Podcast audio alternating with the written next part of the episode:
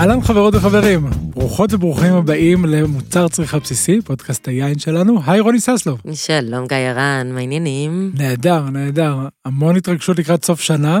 כן. היא מגיעה כל פעם יותר מהר מרגיש מהשנה הקודמת. יש נוסחה מתמטית לגבי הדבר הזה, שככל שאתה מתבגר, הקצב הופך להיות מהיר יותר, כי בעצם החלק היחסי מתוך החיים שלך הופך להיות קטן יותר.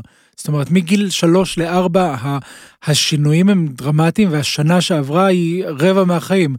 היום כבר השנה שעברה היא אחוז כל כך קטן מהחיים ש... שזה רץ נורא נורא מהר. ומצד אחד המון מרגיש שקורה כל הזמן, אבל מצד שני, ובצורה קצת נחמדה, השנה האחרונה שעברה עלינו הייתה בעצם שנה של אה, התעמקות. שנה של אה, קצת יותר שורשים, שנה שבעצם אנחנו מתבוננים ורגע אומרים, האם אנחנו עוברים מטרנדים למגמות, אה, מתבוננים אחורנית ורואים כל מיני דברים ששנה שעברה היו כזה בהיפר-ונטילציה כמעט וקראו בטירוף, האם הם נשארו איתנו, מה הלך, מה נשאר, מה העמיק. אה, אנחנו רצינו להגיד בעצם שהשנה האחרונה הייתה שנה של שקט, ואז נזכרנו שזה לא לגמרי שבעצם אין דבר כזה כאן. כן. אבל כן, זה מרגיש כמו שנה של התבגרות, של כן. התייצבות, של התמתנות, לפחות בעולם הצר שלנו, של, ה, של היין, גם פה בארץ, גם בעולם, וננסה קצת להבין ביחד מה... מה עבר כאן, מה קרה? אני חושבת גם שנה מאוד אופטימית, שקרו הרבה דברים מאוד יפים, אז יהיו לנו אה, אורחות ואורחים נהדרים, ואני חושבת שמכיוון שאנחנו אה, מדברים פה על יין, בואו נתחיל בלהבין מה קרה בעצם בכרם, איך הייתה השנה האחרונה מבחינת הבציר ומבחינת עשיית היין. בהחלט, וזו הזדמנות אה, נהדרת להביא אנשים, או לדבר עם אנשים שנמצאים שם פיזית בשטח, אה, לשמוע קצת מה, מה קורה ומה קרה.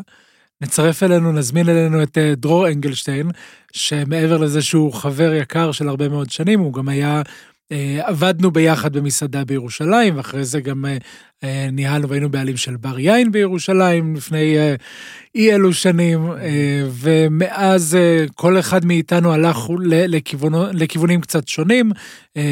אני נמצא יותר במקום של הדרכה ומסחר ביין ותיירות יין, דרור התעמק במקומות של ייצור היין וגידול הענבים. והיום הוא מגדיר את עצמו בתור ויין גרוור. Mm. הוא מגדל אה, ענבים, מגדל יין, למד באיטליה, אה, אה, התמחה בוונטו, במאזי, ליווה ועבד עם לא מעט יקבים בארץ, התחיל את דרכו בכלל ביקב צורעה במשך לא מעט שנים. ובימים אלו גם כבר משיק את היינות העצמאים שלו, היי דרור. היי דרור. אהלן. מה שלומך? מה קורה? מעולה, מעולה. נשמח, נשמח מאוד לשמוע את הפרספקטיבה שלך ושל הענבים של איך הייתה השנה האחרונה. של איך הייתה השנה האחרונה. נהדר. תפסתם אותי מסתובב ברחובות יפו, אווירה נהדרת לסכם את הבציר. יפה. אז בואו נראה, קודם כל כתבתי לעצמי כמה נקודות. קודם כל, 22 הייתה שנה, אני לא אוהב לנבא, אבל אה, הייתה שנה מאוד מבטיחה. אה, זה מושג שאני מוכן לחתום עליו. אה, מה היא מבטיחה לנו? מה היא מבטיחה לנו? ככה, קודם כל היינו עם חורף שהיה הרבה יותר טוב מהחורף שעבר. כלומר, גם היה לנו מספיק קר והיה מספיק גשם, וגם החורף התנהג, נקרא לזה, יחסית מאוד מאוד מאוזן, וראינו את זה השנה גם בכרם, בעיקר בהקשר של אה, האחידות וההתעוררות של הגפנים, וקצב ההבשלות וכל הדברים. מי שקצת שמע על אה, הבציר של 21, אשתקד, אה, אז הייתה שנה מאוד קשה מבחינה אגרונומית, מבחינת החקלאות, אז כבר אנחנו במקום הרבה יותר טוב. סך הכל העונה עצמה לא, הייתה, לא היה לנו שום אירועי, אירועי קיצון, לא היה לנו אה, גלים של חום, חמסינים משמעותיים, אז סך הכל בכרם היה מאוד נוח לעבוד, אה, וראינו את זה גם באיכויות של ההבשלה, אה, שהשנה היו לדעתי אה, יותר יוצאות דופן משנים אחרות, בעיקר בהקשר של אה, מסוכר וחומצה, שאנחנו כל הזמן מסתכלים על זה, אבל ההבשלות הפירותיות, הטעמים, ההבשלות הפנוליות, הטנינים, היו באיכויות מאוד טובות, והפיזור היה מאוד נוח. אנחנו תמיד אוהבים לקרוא לזה קצת כמו אקורדיאון של בציר, שלפעמים הוא נלחץ ולא משתחרר, ואז בוצרים יום אחרי יום אחרי יום. השנה. היה מאוד רגוע בהקשר הזה, וסך הכל הפרי היה עם בשלויות הרבה יותר ארוכות, אה, כלומר בצרנו לא בהכרח מאוחר יותר, אבל משהו בעונה הזאת התארך ונתן להרבה מאוד מאזנים, אה, גם בלבנים וגם באדומים, את הזמן אה, להתפתח יפה ולהגיע לרמות הבשלה מאוד מאוד טובות ומאוזנות. בלי הרבה אלכוהול ועם חומצות יחסית טובות. כשבעצם הבשלה ארוכה מאפשרת באמת לקורמים, לעניינים, לבצור בדיוק ברגע הנכון, הם לא בלחץ, אה, יש מספיק מכלים, יש מספיק חביות, יש מספיק, מספיק כוח עובדים, אדם. מספיק עובדים, בדיוק. כוח אדם הרבה פעמים זה, זה חלק מאוד משמעותי, כי יש מעט עובדי בציר מקצועיים ואיכותיים, ואם צריך את כולם באותו יום, אז יכול באמת להחליט על, אה, על הבחירה של מתי לבצור, ולא רק מתי שהענבים מחליטים. נכון. נכון, סך הכל באמת לא, לא נדרשתי אני בעונה הזאת לעשות פשרות, נגיד ככה. יפה. אוקיי. שזה, שזה כבר סימן טוב. וכשאתה אומר אתה בעונה האחרונה, אז אה, בבציר האחרון, איפה בצרת? באיזה אזורים בארץ? אז אה, ליינות שאני עושה, ליקב שלי, בצרתי גם חלקות אה, קצת במדבר, ברמת ערד, בעיקר גרנש משם, וברוב הענבים שאני מגדל הם באזור הרי יהודה, גם אזור עמק האלה, גבעת ישעיהו, וגם אזור ההר אה, בעיקר בגוש עציון, וקצת ענבים גם מהגליל העליון, מבן זמרה, אה, בסך הכל... אה, במישור החוף גם היה? או שזה לא היה השנה? לא, זה היה השנה שעברה, okay. אוקיי. השנה לא... כן. אבל סך הכל כולם התנהגו בצורה יחסית דומה, והבציר באמת היה מאוד נוח בהקשר הזה, ובואו נעשה ככה, כל הענבים הגיעו ברמה שרצ... ברמת ההבשלה שרציתי שהם יגיעו, אה, מעט מאוד תיקוני חומצה, זה גם סוג של מדד שאנחנו מסתכלים עליו באקלים חם, באקלים של ארץ ישראל, כמה אני צריך לתקן ואיך אני צריך לתקן, אז סך הכל כן. אה, אה, איך אומרים, רוב החומצה נשארה בשק שלה ביקב. נפלא, אה, נפלא. כן, ואני אגיד רגע למי שפחות מכיר, תיקון חומצה ביין, לרוב אנחנו נרצה לבצור שהענבים בהבשלה מושלמת מבחינת הריחות שלהם. ואם עד הבציר כבר החומצה ירדה יותר מדי, אז כן, מותר ומקובל גם להוסיף חומצה. השאיפה של רוב הייננים זה להוסיף באמת כמה שפחות, ובציר שבו לא מוסיפים, במיוחד במקום כמו אקלים חם שלנו, זה מרגש ונפלא במיוחד. לגמרי.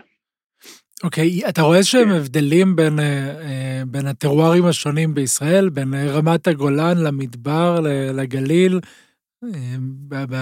בציר האחרון? אוקיי, okay, זו שאלה מצוינת. תראה, סך הכל, האמת שהכל השנה התנהג כצפוי נקרא לזה. מדהים. כתבתי את ההערות, אז, אז, אז כתבתי שני כוכבים של הבציר שהיו לי בעונה האחרונה, אז הראשון היה באמת גרנש מרמת ערד, אה, שהגיע, שאני בצרתי אותו ליין אה, אה, שאמור להיות, נקרא לזה, צעיר ופירותי ויחסית קל גוף, okay. אוקיי. ובצרתי אותו באלכוהול שהוא סביב ה-13, 13 וחצי אחוז אלכוהול. ומתי בצרת אותו בשנה? בשבוע שלישי, אני חושב, שני או שלישי של אוגוסט. Okay. אוקיי. אה, וסך הכל גם הוא התנהג בצורה הזאת, לא, לא גלש, נקרא לזה, להבשלות יתר בגרנה, שהוא תמיד אוהב לעשות את זה, הוא לא רץ בסוכר קדימה, והיה אפשר ליצור אותו באמת ברמת חומצה טובה, עם טעמים אה, אה, פירותיים ואדומים, ובאמת גרנש אה, אה, מאוד אופייני לאזור הגידול הזה. מצד שני, למשל, אה, טוב, זה הכוכב השלישי, אז, אני, אז, אז הכוכב השלישי בעצם זה ריזלינג שבצרתי מכרם בן זמרה, מכורם שנקרא יעל מילס, שהיה... הגולן. גליל העליון, כרם בן זמרה. גליל אוקיי. עליון, נכון. אה, היה מאוזן להפליא, עם הבשלות פירותיות טובות מאוד, עם חומצה מאוד מאוד מאוד יפה, מאופק, אה, גרגירים קטנים.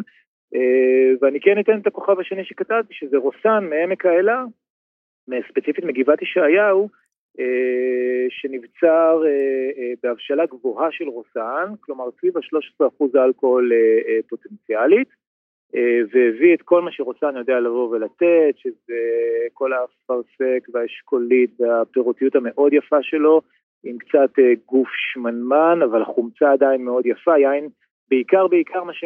אני, מה שנקרא, כיכבתי אותו כי הוא עומד בפני עצמו.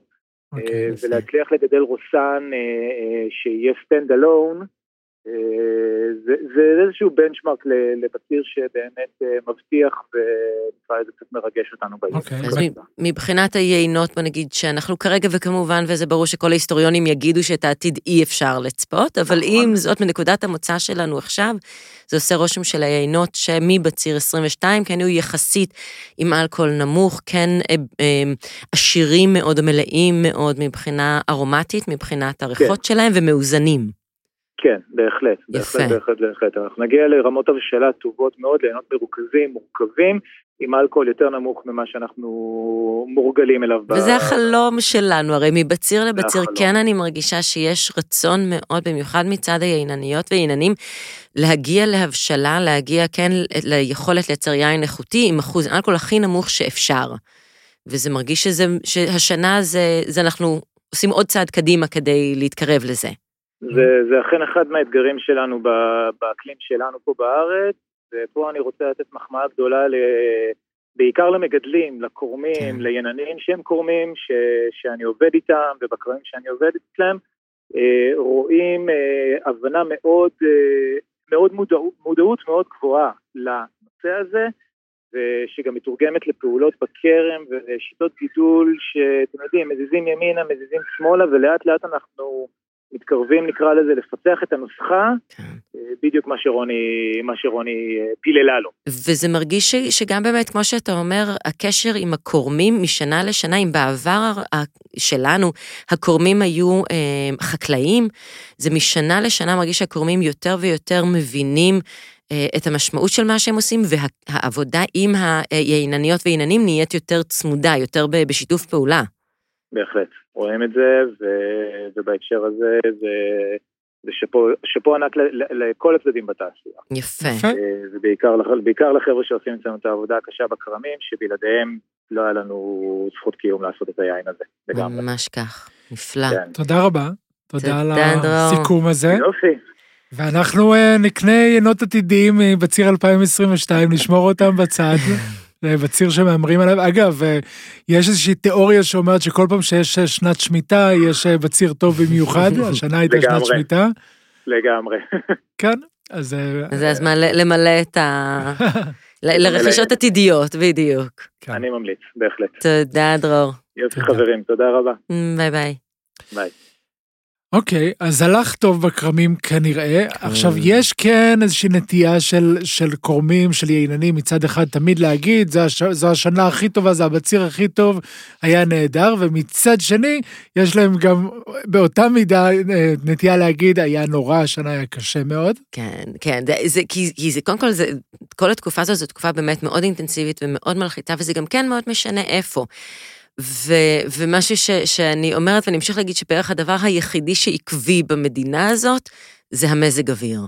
יחסית לאירופה, וצריך גם לקחת את הכל כן ב, ביחסיות שלו, בפרופורציות שלו, יש לנו פה מזל שהאקלים שלנו יחסית יציב וברור. זה אומר ש... גם יחסית לקנדה. ובמיוחד יחסית לקנדה. אבל גם ברוב המדינות באירופה, נכון. מה שצרפת עברה השנה. אין גשם, זה לא, זה... כן, יש בצירים שבהם, אה, בציר 2017 באירופה הייתה ירידה של משהו כמו 20 אחוז בממוצע בתוצרת. כשמדינות כן. כמו איטליה וצרפת זה ירידה של מיליארד ליטר. זה, זה, זה קושי גדול מאוד. זה משוגע. כן. אז אצלנו לא יורד גשם בבציר, זה לא קורה, אבל כן, יש לנו לפעמים גלי חום. נכון. יש לנו לפעמים כל מיני דברים, סופות חול, דברים נכון. אחרים שיכולים כן להשפיע. נכון. וגם פה אנחנו, יש דיפרנציאציה מסוימת בין בצירים, אנחנו לאט לאט מתחילים לראות את הדבר הזה. כן. ללמוד. ש, ש, זה נכון, כל שנה יכן שנה מקודמתה. המנעד של השוני קטן יותר כן. מאשר מדינות באירופה, ששם זה יכול להיות ממש קטסטרופות אקלימיות, כמו שאמרת, אם יש שם בצורת והם לא משקים כי, כי הם לא מוכנים לזה, אז היבול יכול ללכת. אם יש פתאום ברד אה, בתקופה של אה, אה, מאי, אה, של הפריחה, אז זה יכול להיות פגיעה קטסטרופלית. אם יש גשמים ביולי או באוגוסט, דבר שקורה, אז ענבים יכולים להתנפח. ויכולים גם להיות המון רקבונות. אם יש אה, כפעונות וברד באפריל-מאי או בספטמבר, אוקטובר, קיצור, כן. כל כך הרבה בעיות שיכולות להיות. כל כך הרבה, שלפחות מאלה יש לנו קצת פחות לדאוג, ואנחנו שמחים עדיין ש... שהמגמה... וגם לא מלחמה. אה, בדיוק בבציר, בדיוק בבציר. אה, כן, מלחמות כבר לא קורות בקיץ. מה עוד קרה?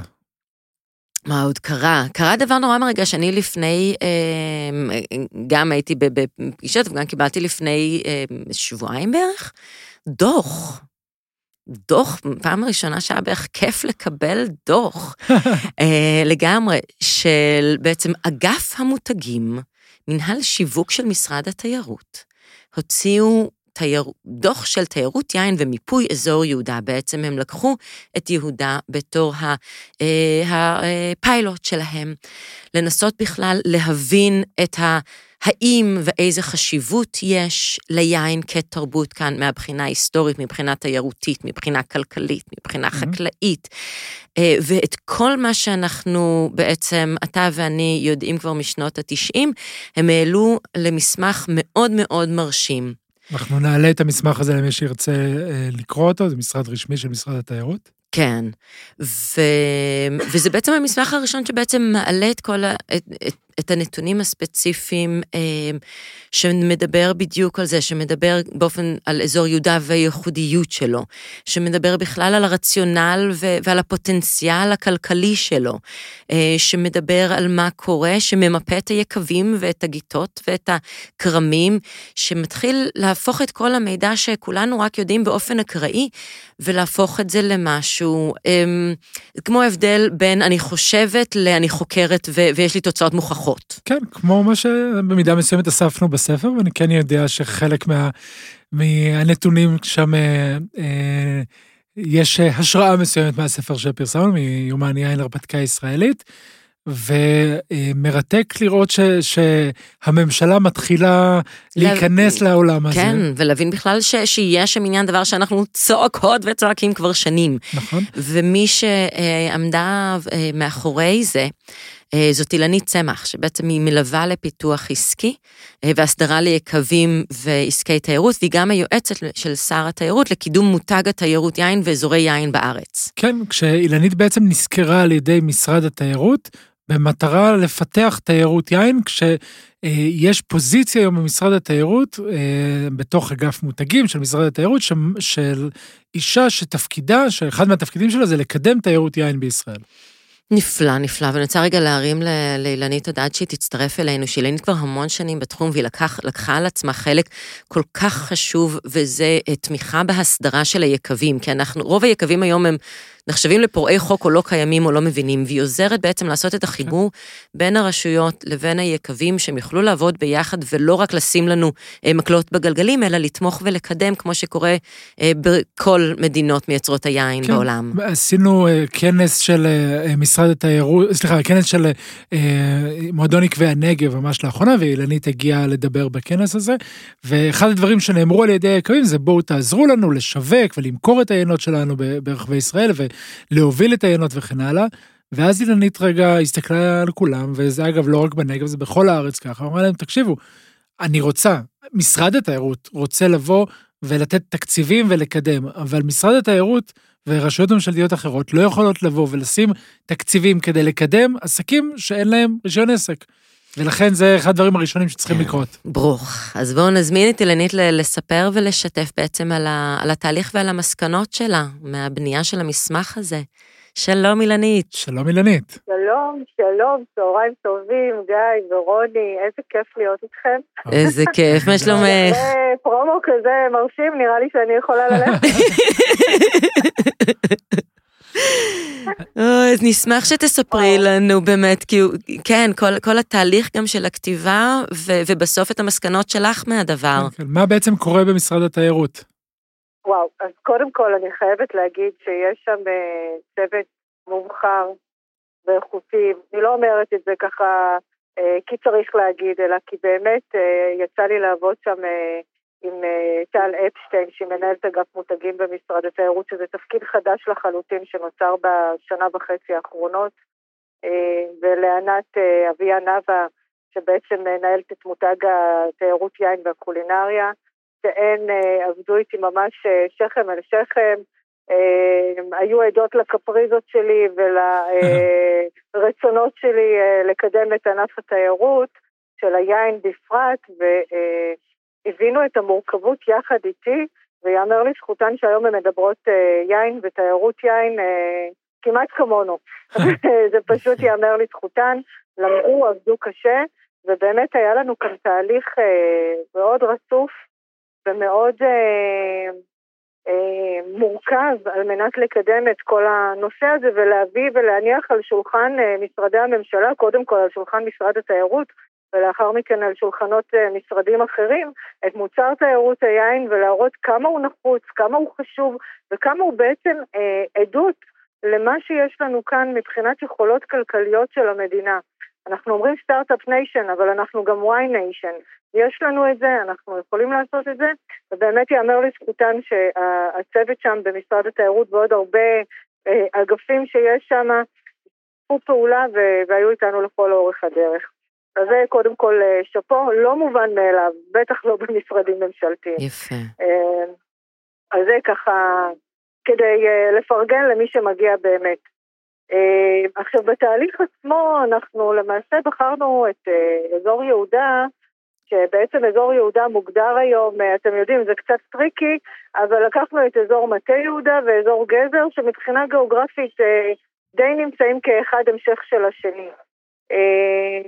מבחינת הטרואר, מבחינת גידול הכרמים, מבחינת האזוריות, הרי אזור גזר הוא שפלת יהודה, זאת אומרת המדרונות, אם אנחנו מתייחסים למשל לפיימונטה, אז אנחנו למעשה המדרונות של יהודה, של הרי יהודה, ורצינו באמת לקחת את כל האזור הזה ולראות מה היכולות שלו. אחד הדברים ששימש כקטליזטור זה בעצם ההכרה באזור יין רשמי.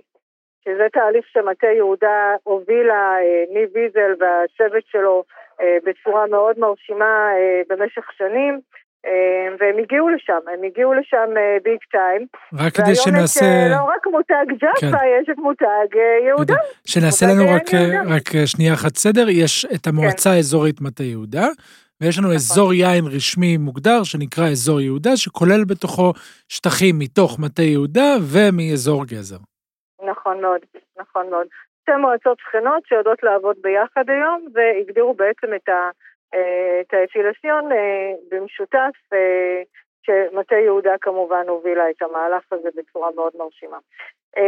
ואז בעצם זה קרץ לנו, כי אמרנו, רגע, יש כאן כבר איזשהו בסיס, יש כבר משהו שאפשר לעבוד איתו.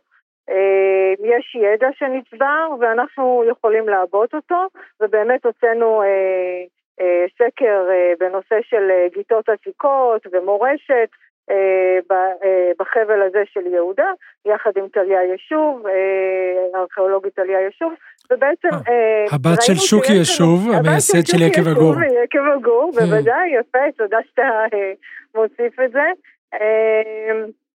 וראינו שבאמת מבחינתנו יש לנו כאן הרבה חומר לעבוד איתו, ואם התחלנו באזור יהודה, אז היינו צריכים אחר כך להסתכל על מה קורה בכלל הארץ, היינו צריכים לחזור למקורות, היינו צריכים לחזור אה, למחקרים כאלה ואחרים שנעשו, אם זה של פרופסור עמוס הדת, אם זה מחקרים על גפנים עתיקות של שיבי דרורי, ועוד ועוד אה, אה, נושאים כאלה ואחרים שהיינו צריכים לבדוק אותם, וכמובן מה קורה בעולם. מה קורה בעולם מבחינת תיירות יין, על מנת שיהיה לנו איזשהו קנה מידה, איזושהי פרספקטיבה שעליה נוכל להסתכל ולהגיד מי אנחנו, מה הזהות שלנו, על איזה מרחב בזמן אנחנו מסתכלים, ובעצם איך אנחנו יכולים לבוא ולהפוך להיות, או אפילו לא להפוך ולהיות, אלא להיות אזור יין, ארץ יין בפני עצמה, כמו שאנחנו היום מטיילים בעולם. ושלא יגידו טוסקנה, אלא יגידו יהודה, ושלא יגידו אה, בורדו, אלא יגידו, אה, יגידו אה, גליל, או שדרת ההר, או נגב כמובן. וזה בעצם נקודת המוצא שלנו הייתה, והאחריות שלנו היא בעצם להראות כדאיות כלכלית, כמו בכל דבר אחר. אוקיי. Okay. ואז המשכנו מזה. אז מה בעצם אה, עושה משרד התיירות, שאת אה, מלווה מקצועית, כדי לפתח תיירות יין בישראל? אוקיי, okay, אז באמת אה, אחד הדברים הראשונים שעשינו, זה בדיוק כמו שהזכרת גיא מקודם, לפני שעליתי, אה, זה הנושא הזה של אה, הסדרה. בואו נדבר רגע סטטוטוריה, אוקיי? ומשרד התיירות, באתי אליו בדיוק עם אותה אמירה, אמרתי להם, יופי, זה נחמד שאנחנו רוצים לפתח את תיירות היין. זה נחמד שאנחנו רוצים מותג, אבל המותג שלנו בעייתי, כי אין לו אה, אישורים. כן. באותו רגע אה, ייצרנו אה, שולחנות עגולים עם משרדי ממשלה, עם משרד החקלאות, משרד הכלכלה, הרשות לפיתוח הנגב והגליל, אה, מינהל mm-hmm. תכנון, רמ"י, אה, מועצת גפן יין, you name them, אוקיי? ו- ובאמת ככה התיישבנו לשולחן ואמרנו איך עוזרים עם זה, איך מפתחים את זה. ואז התשובה הייתה, חבר'ה, תראו לנו מה יש פה. מה יש כן. פה בתיירות יין? הרי אנחנו מרוויחים מצליינים לא רע, אנחנו מרוויחים מתיירות אורתודוקסית לא רע. מה, מה זה תיירות יין? זה תיירות נישה. הם פשוט לא יודעים. אין להם מוס... כן. בדיוק. תיירות יין היא בסופו של דבר תיירות הרבה יותר חזקה. זו תיירות שמשאירה נכון. יותר כסף, שפונה ל... בדיוק. כן. בדיוק, וזה, ופה זה דרש מאיתנו, אוקיי, רגע, עזבו שנייה אזור, עזבו שנייה תיירות יין, התייר יין, מי הוא בכלל? צריך עוד ללכת אחורנית. בואו נזהה אותו. כן. זהו, ודיברנו באמת על, ה, על המקום, אני רק רוצה ככה ליישר את מה שאמרתי קודם. מצד אחד, נכון, אה, החוסר ברישיונות עסק תלוי בין היתר אה, לא מעט בבעלי היקבים, אבל במקום שבו 80 אחוז מה, מהתעשייה אה, עם מקום בעייתי בהקשר של רישיונות עסק, אז כנראה שיש כאן איזושהי בעיה מובנית. לא, גם הרבה, מהיקב, גם הרבה מהרשויות אפילו לא יודעים בדיוק מה צריך ואיך צריך. אין אז יש פה בעיה מובנית, בדיוק. בדיוק, בדיוק. בניגוד לנגיד, ניקח דוגמה קיצונית אחרת של קנדה, שיש אה, הבנה ותמיכה מלאה של אה, איפה ואיך צריך להיות יקב, כשמראש מתכננים אותו, גם עם כרם מסביבו וגם עם מרכז מבקרים, כשלושה אלמנטים, אה, שלושה חלקים של היקב, הגידול, העשייה והתיירות שלו. מדויק, מדויק מאוד, ו- ויותר מזה, זאת אומרת, um, תזכרו שתעשיית היין, או לא תעשיית, ענף היין, כל פעם שאני אגיד תעשייה תתקנו אותי, אוקיי? כי כשאנחנו אומרים תעשייה, יותר אני נופלת במלכודת של משרד הבריאות, אז uh, צריך להיזהר מזה. כן. אמ, אבל באמת... כי אז הם שמים אותנו באזור תעשייה ואנחנו לא רוצות להיות באזור תעשייה. כן, זהו. אז ענף היין למעשה גדל בצורה אורגנית, לא היו חוקים כשהוא גדל פה. לא היו חוקים בכלל לכל הנושא הזה שנקרא מרחב כפרי, יקבים, בתי בד, מחלבות וכדומה. היה דרישות משרד הבריאות, רגולציה הוא גם, וכדומה. הוא גם הבסיס בעצם ל- לכל שאר תיירות כפרית, במידה רבה הרבה מאוד ממה שאמרת עכשיו, בתי בד, נכון. מבשלות וכן הלאה, מתבססות על מה שעשו בענף היין. נכון, הוא, הוא לבצע עוגן, הוא הפך להיות העוגן. אם בעבר מלון היה העוגן, אז היום כשיש לך יקב, הוא מייצר סביבו אה, פעילות. וכשאנחנו אומרים תיירות יין, אנחנו אומרים הרבה דברים מסביב, כל הדברים שהזכרנו הרגע, זה אוכל, זה איפה מבלים, זה, זה, זה הבית בד, זה ההיסטוריה, זה, זה אתרים ארכיאולוגיים, זה, זה יערות, כאילו... זה הסעות, זה לינה. והיין הופך להיות העוגן התיירותי. כן. יפה. מעולה, אז עכשיו אה, אני חוזר שוב לשאלה, ואולי לוקח אותה קדימה, אנחנו לקראת סוף, אה, אה, או מסיימים עכשיו את 2022, לאן משרד התיירות הולך קדימה, מה, מה התוכניות של משרד התיירות ואיך הולכים לקדם את, את ענף היין ואת תיירות היין בישראל? אוקיי, okay, אז קודם כל, כמו שאתם יודעים, אנחנו בתקופת מעבר של ממשלות. שוב. לפחות אה, אני יכולה להעיד על אה, שר התיירות ועל צוות התיירות שאני עובדת איתם היום, אז באמת החזון הוא ליצור כאן מדינת יין, ליצור כאן תיירות יין, לחזק את כל הפיתוח אה, של תיירות היין כאן בארץ, לא רק בהיבט של יקבים תיירותיים, אלא גם לקדם את המותג הזה שנקרא יין ישראלי בארץ, בעולם וכדומה. אם אנחנו אה, מסתכלים רגע, אני רוצה רק להגיד כאן איזשהו משהו שמסבר את האוזן, שהיה גם מורה דרך למשרדים אחרים, אבל כמובן לנו כמשרד התיירות. ארגון התיירות העולמי, אה, UNWTO, פרסם לפני אה, קצת פחות מעשור ניתוח מגמות מובילות בתיירות, שגסטרונומיה ויין הם אחד מעשרת התחומים המובילים. כן. זאת אומרת, גם משרד התיירות של ארץ ישראל, של מדינת ישראל, רואה בעצמו אה, אה, גורם מאיץ שיכול אה, לפתח את הדבר הזה ולייצר כאן משהו אחר. אנחנו כל הזמן מדברים, אה, זאת אומרת, אם תשמעו חדשות בעולם, אז אתם תשמעו ביטחון, ואתם תשמעו פזורה בדואית, ואתם תשמעו אה, כלכלה ותשמעו מדיני. אבל בואו רגע ניקח את הדבר היפה הזה שיש לנו בארץ, בואו נפתח אותו, כי הדבר היפה הזה, מעבר להיותו תיירות יין ויין בתוך כוס, יש פה סיפור של כלכלה, של תעסוקה, של אה, פיתוח מרחבים כפריים. החקלאות הולכת ומדלדלת בארץ, אי אפשר להמשיך להתעלם מזה. לכן כרמים של יין יכולים לתת כאן מענה, ריאות ירוקות, מרחבים פתוחים. אה, מבחינתנו זה מושך כלכלי עצום. אנחנו אה, במשרד התיירות רוצים לקדם את הנושא הזה, עושים את כל המאמצים. כבר עכשיו אנחנו אה, מתוכננים אה, לקדם את המוצר דרך לשכות התיירות. יש לנו 25 אה, לשכות תיירות ברחבי העולם. אנחנו אה, שולחים להם חומרים באנגלית, עושים אה, מצגות, עושים אה, זומים עם אה, אה, נציגי אה, משרדי ממשל אה, מקומיים במדינות אה, אה, אחרות, אה, ובעצם מספרים להם על המותג הזה. אה, מעבר לזה אנחנו אה, עובדים עם התאחדות בתי המלון, אנחנו עובדים עם התאחדות סוכני הנסיעות, מייצרים את המוצר אה, החדש ובונים אותם, אותו עבורם.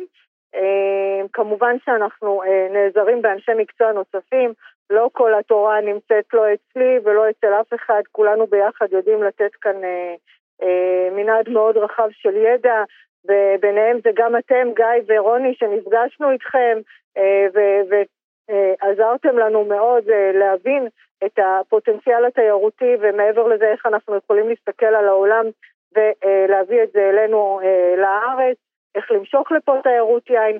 החלום שלי זה, גיא ורוני, זה שאתם תגידו שאתם מוציאים אה, תיירות יין מפורטוגל אלינו, הלוואי. אז כן, אנחנו כן? עושים את זה. אני כן יכול להגיד שאנחנו עושים את זה, וכן, במסגרת אינספיריישן, אז אה, יש לנו כרגע קבוצה מברזיל שצריכה להגיע לארץ בקרוב, אה. ולפני שבועיים הייתה אצלנו קבוצה קטנה מארצות הברית, שהגיעה בשביל, אני מדבר על אנשים שמגיעים לתיירות יין וקולינריה, זה מי שמגיע אלינו, והייתה אצלנו כבר קבוצה מהודו. ככה שזה משהו, ו- וקצת וואו. מאיטליה כן. אפילו מגיעים, יש משהו, אבל זה, זה עדיין מאוד מאוד בחיתולים. נכון. אוקיי, אז, אז, אז בפרויקטים מהסוג הזה, תראו, זה, זה מעניין אותנו, זה חשוב לנו. אני לא יודעת אה, כמה תקציבים אנחנו יכולים לשים על זה, אבל אנחנו בהחלט יכולים להוסיף פה ערך גם בדברור, גם בתיווך. אה, כמשרד התיירות, אה, אני מדברת לרגע, ו, אה, ובאמת חשוב לנו, חשוב לנו שיהיה לנו שותפים בכל, ה, בכל רמות המגזרים, במגזר הציבורי, במגזר הפרטי, בשלטון האזורי, אה, באמת על מנת אה, לקדם את זה, כמובן בתקשורת. חשוב לנו מאוד גם השיתוף פעולה עם היקבים.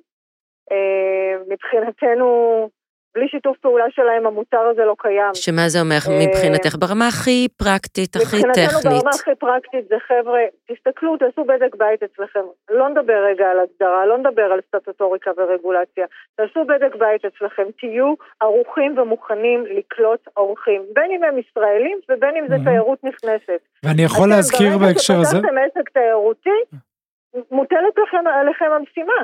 אה, יש כאן מחויבות. אני יכול להזכיר, כן, גיא, סליחה. סליחה, אני יכול להזכיר בהקשר הזה, וזה גם שייך למשרד התיירות, שיש את חממות משרד התיירות, שיודעות לתת עד סדר גודל של 15,000 שקלים אה, לפיתוח תיירות יין ליקבים.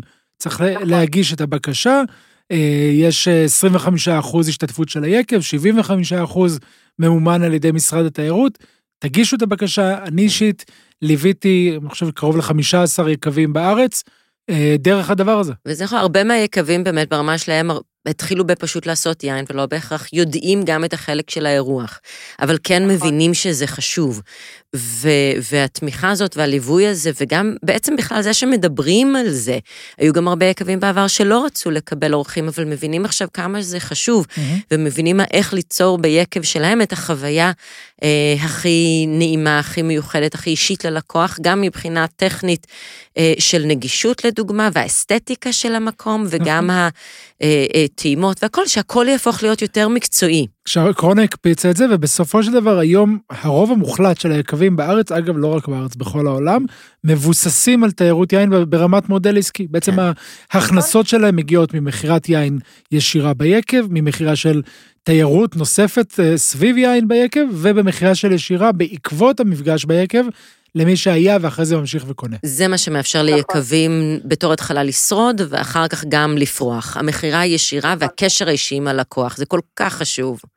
בדיוק, וההיערכות של היקבים מאוד חשובה. ההיצע שלהם, המגוון, להקשיב ללקוח, הנראות של המקום, כל הנושא הזה מאוד חשוב לפתח אותו ולקדם, וכמו שאמרת גיא, חממות תיירות באמת אה, מסייעים היום עם יועצים, יש יועצים טובים היום בענף הזה, אה, וזה מאוד חשוב, משרד התיירות אה, אפילו נותן דרך אגב מכסת שעות גדולה יותר, אה, כמדומני, אה, לנושא הזה של אה, יקבים ואירוח תיירותי. עכשיו, אה, אני אחזור רגע לשאלתכם בנושא של מה עוד משרד התיירות עושה, אז אנחנו יוזמים סיורים לסוכני תיירות נכנסת, אנחנו מזמינים אה, סוכנים מהעולם על מנת שיכירו את המוצר של תיירות היין פה בארץ, עושים להם סיורים ומסייעים להם בתיווך מול העסקים עצמם, וכמובן מול התקשורת, אה, תקשורת זרה, מתוכנן סיור של עיתונאים זרים בחודש מאי כמדומני, אה, שאנחנו, בואו נביא גם עיתונאים של תיירות יין וגם עיתונאי יין. אה, אנחנו כרגע נמצאים בדיוק בתהליך של אה, בנייה של השיעורים האלה. אגף אירוח במשרד התיירות הוא אגף מאוד חזק, הוא אגף שיודע להביא לפה מחליטנים ובעלי דעה ובלוגרים. כן.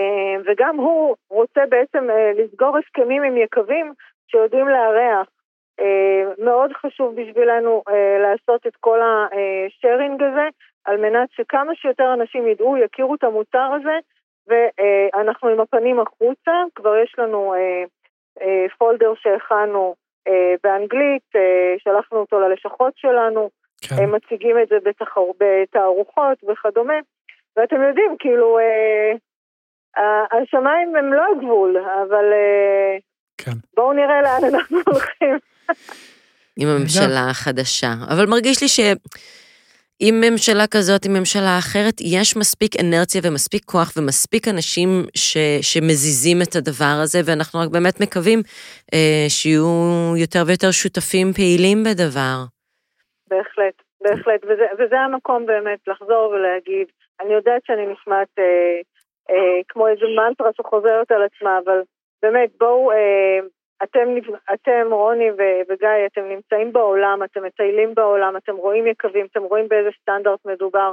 אה, אנחנו נטפל בזה גם מהצד הבירוקרטי, אתם תעזרו לנו מהצד שלכם אה, מול היקבים על מנת להמשיך ולטפל גם בהסדרה שלהם, גם בנראות שלהם, כי, כי בסוף אנחנו משווקים אה, מדינה, אנחנו משווקים מוצר תיירותי ברמה בינלאומית אנחנו רוצים להגיע לתערוכות יין, לתחרויות יין, לתערוכות של תיירות ולהציג כאן מוצר שלם שאנחנו יכולים להתגאות בו, ויש לנו על מה, יש לנו בהחלט נכון. על מה.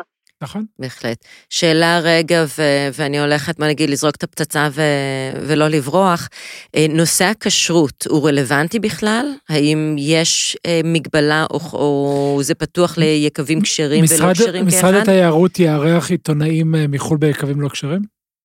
אז ככה, מבחינת אה, עיתונאים זרים, תיירות נכנסת, אנחנו לא חייבים יקבים כשרים, ממש לא. יופי. אה, מבחינת אה, מה שנקרא תיירות יהודית, אורתודוקסית וכדומה. אז כמובן שאנחנו נשים דגש על יקבים כשרים, אבל זה לא חסם. מבחינתנו זה לא חסם. יופי, אז טעימות אה, של יינות ישראלים בעולם ועיתונאים או משפיענים שמגיעים לפה, אה, יבקרו ביינות, ביקבים כשרים ולא קשורים באופן לא מוטה.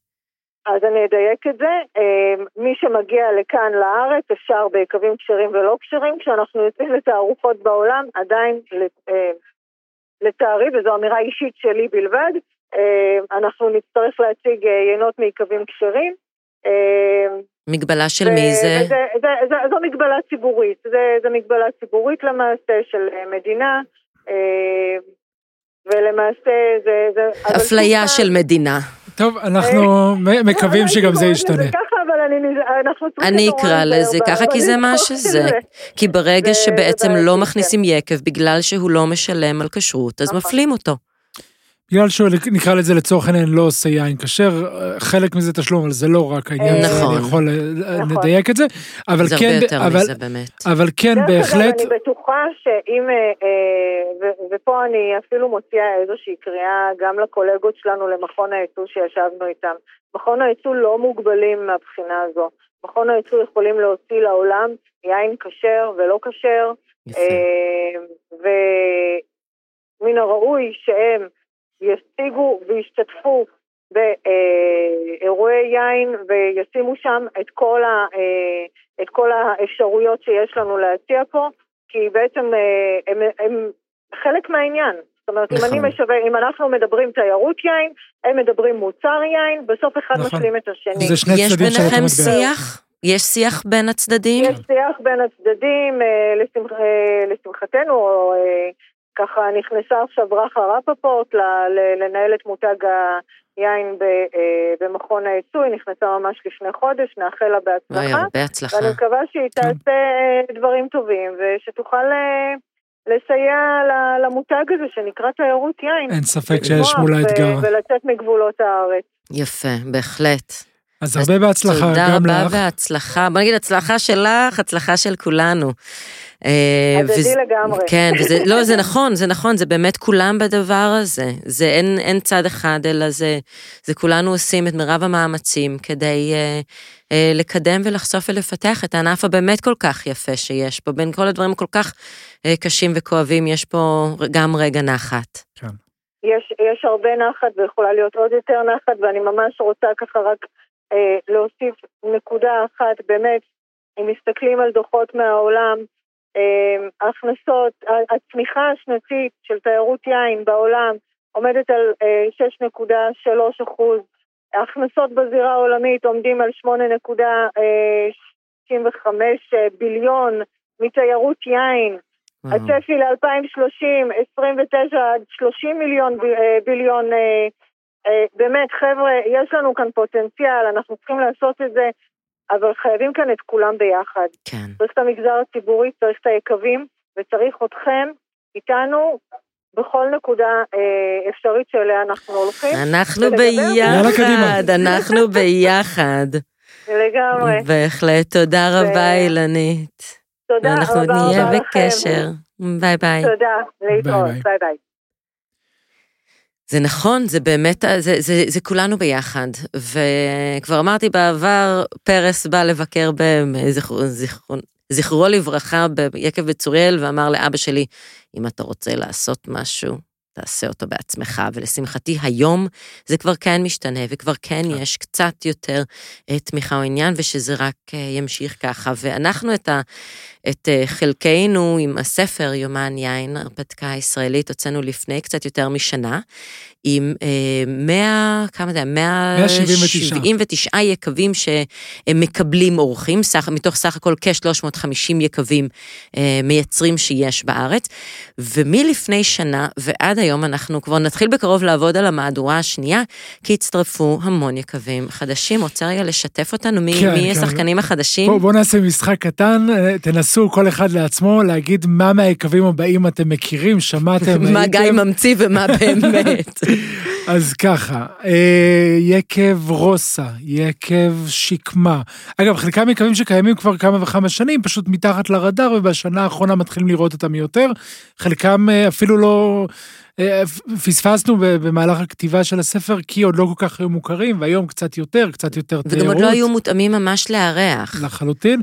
אז רוסה, שקמה, סורר, או שורר, אני אף פעם לא בטוח, סליחה, שגיא, יקב תל, יקב זמוש, יקב ארגמן. רוני מסתכלת עליי כרגע למי שלא רואה, במבט של מה אתה ממציא. יקב שאטו רמו, יקב שמחון, יקב ורבורג, יקב ראובן, יקב אגת, יקב שטיינמץ, הר חצור, קטמון, אביבים, אולו, אה, תמוז, מיקה, אה, כרמי מבורך, מוריה, שפע, אשכולות, גזקון, אני יכול להמשיך עוד המון. וזה הכל אמיתי, זה כן, הכל כן. יקבים אמיתיים. באמת באמת, חוות דעת, חוות ים. משכית, ושדות ים, ויקב פורת, ויקב תושייה, נבט אוצל מדבר, יקב יא, עדן, יקב אלבר, אה, יקב מרסול, סמבטיון. קיצור, אפשר להמשיך, אה, קמיסה, הייתה שנה עסוקה, עמוסה מאוד. הרבה מה- השלושה, אצל פפו בחצר. קיצור, ויש עוד המשך את... את, אה, פלך יצא בקרוב. נכון. אמ, ועוד לא דיברנו, כן, הרשימה עוד ארוכה, הייתה שנה מאוד וואו. עסוקה ומאוד מלאה. אה, מבחינת יקבים חדשים, שחלקם באמת, כמו שאמרת, גיא, זה לא הפעם הראשונה שמייצרים יין, אבל זה כן, הם נותנים איזושהי קפיצה מלייצר לעצמם, לייצר בסורק, לייצר לניסיונות ולחברים, ל- להגיד, יש לי מותג. והצעד הבא זה יש לי מותג, ואני גם מארחת אצלי. אמ, אז אפשר לצפות לעוד שנה בערך שתצא המהדורה השנייה, שהיא תהיה הרבה יותר עבה ממה שהייתה קודמתה, וזה רק עוד ממשיך ככה, זה, וזה מדהים, כי כבר עוד בשנות ה-90 שאלו, טוב, זה כל שנה יש עוד ועוד יקבים, זה כמו פטריות אחרי הגשם, האם אנחנו לא ברוויה, האם אנחנו לא כבר בקצה שלנו, האם עדיין אפשר להכיל את כל היינות האלה וכל היקבים האלה? והתשובה היא כמובן מאיתנו, ברור ובוודאי, בוודאי bring it on. bring it on, כי גם הצריכה עוד ממשיכה לעלות, וזה כל כך יפה לראות בשנה האחרונה במיוחד את היקבים, שגם הרבה מהם המשיכו את ה... והעמיקו את האירוח, דבר שהתחיל אה, מתקופת הקורונה. בעצם שאנשים רצו לצאת החוצה ולארח בכרם וביקב אפשרי, אז רק עוד יותר המשיכו והעמיקו את זה. וגם הקהל של שוטות אה, ושותי היין, תואמות ותואמי היין, שנהיה צעיר יותר וצעיר וסקרן. בהחלט. בהחלט, וזו מגמה שכבר הייתה, התחילה קודם, אבל uh, הולכת ומתגבשת, ואחד הדברים שאותו קהל מחפש זה זהות. כי כבר יש ב- בישראל יינות איכות, אנחנו מנסים להבין מה זה יין ישראלי, ולא רק מה זה יין ישראלי, מה זה יין ישראלי שמגיע מאזורים כאלה ואחרים, כדי להבין קצת את המגמות סביב היצירה של אזורי היין, או ההגדרה של, של אזורי היין בישראל, נזמין את האדם שאחראי במידה אה, לא קטנה ליצירה של אה, אזורי יין בישראל, אה, עורך דין עידן בר אולפן, הוא התחיל ב- כחובב יין, אבל היום הוא אה, מלווה לא מעט עסקים בעולמות היין מזוויות כאלה ואחרות, הוא כתב ספר שנקרא הגנה אזורית, שמדבר על איך מייצרים אזורי יין. הוא בעצם אה, אחד האנשים המשמעותיים ביותר ביצירת אזור היין יהודה, אזור היין הראשון של ישראל, הפלסיון הראשון של ישראל. ובואו נשמע קצת ממנו, מה, מה חדש בתחום הזה? אהלן, מה נשמע? שלום עידן, תודה שהצטרפת אלינו. אין בעד מה, בכיף. אז נשמח באמת לשמוע מה קורה עכשיו, ב... עכשיו שזה רשמי, מה השתנה? אה, ככה, תראו, האמת שבדיוק בזמן הנכון אתם שואלים, כי למעשה הושלמו כל הפרוצדורות, וכולנו מכירים את המדינה שלנו וכמה שהפרוצדורות מתארכות ומסתבכות, אבל למעשה הושלם הכל, אה, ואנחנו החודש צפויים לשבת ישיבה ראשונה של אה, הוועדה, של אה, אזור יהודה, ולאשר סימון לכמה יקבים שכבר הגישו בקשות לגבי עינות שלהם. אז אנחנו ממש בפתח אה, מהבחינה הזו, האמת שנתנו להם לסיים את הבציר בהצלחה וכולי, ושיהיו יותר פנויים קצת אחרי הבציר ויוכלו להגיש בקשות ונוכל להתקדם עם זה. יופי, שבעצם אנחנו צפויים לקבל בשנה הקרובה באופן רשמי יינות, שיש עליהם את ההגדרה של יהודה כמין תואר שם מבוקר של כאזור יין, כאפלסיון ישראלי. נכון, נכון, או שיופיעו אה, אה, המילים appellation of origin, וזה יכול להיות או ג'ודאה, יהודה, או ג'ודיאן הילס, ויהודה, או ג'ודיאן פוט הילס, שזה מורדות יהודה, כמובן לפי בחירת היקבים ולפי מה שיאושר. אה, אז או שם אפלסיון בלבד, או שזה יכול להופיע גם עם אה, לוגו שעוצב, לוגו מיוחד שעוצב לצורך העניין, כמובן גם עם השם.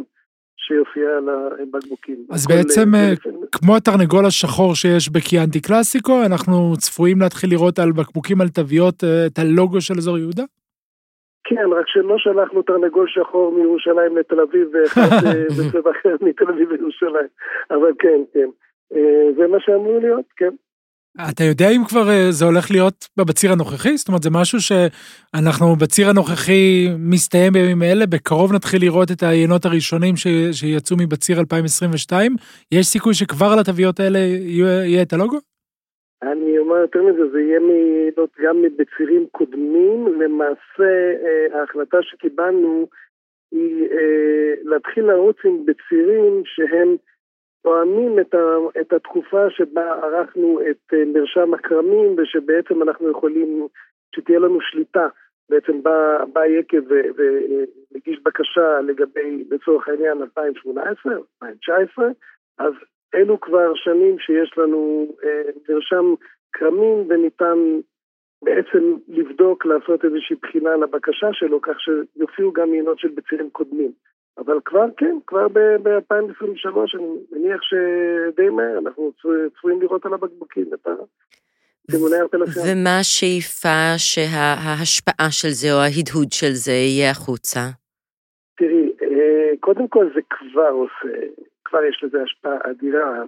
אני שומע מהיקבים ומאנשים במטה יהודה, במחלקת התיירות, שזה הוסיף גם מבחינת ביקורים ביקבים, תיירות יין, גם מבחינת מכירות, זה יוצר באז. אין ספק שמבחינה שיווקית זה נתן, זה תרם כבר תרומה משמעותית, ואני מניח שיתרום יותר ברגע שזה גם יתחיל להופיע לבקבוקים.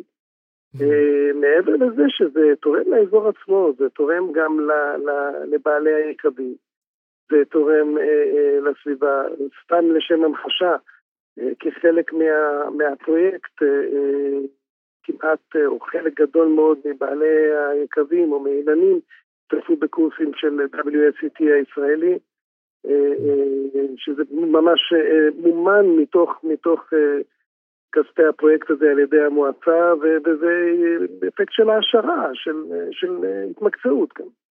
כן, כן. WSCT בכלל, אה, זו הזדמנות כן להגיד שיש לו גם אה, מקום אה, מכובד, ובטח ראינו את זה גם בשנה האחרונה, וגם קורס באמת שהיה באזור יהודה, ואחרי זה נכון. הבאנו את הקורס הזה, וגילוי נאות, אני גם מלמד ב-WSCT, והייתי חלק מי שהביא את הקורס גם ליהודה וגם לנגב.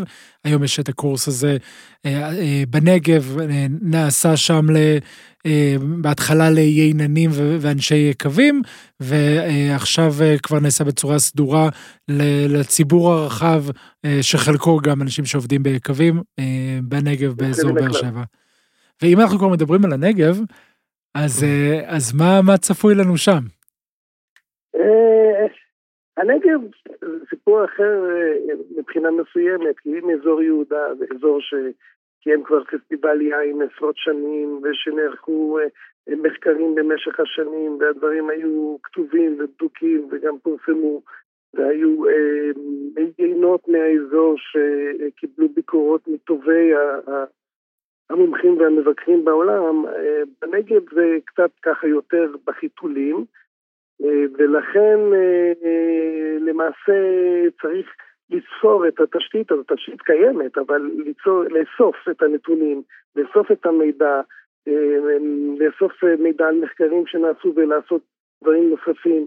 אה, כל זה כרגע למעשה בשלב ראשון של, אה, יותר מראשון, של אה, עשייה והכנה, כמובן בחסות קרן מיראז' שמקדמת את כל נושא תיירות היין בנגב.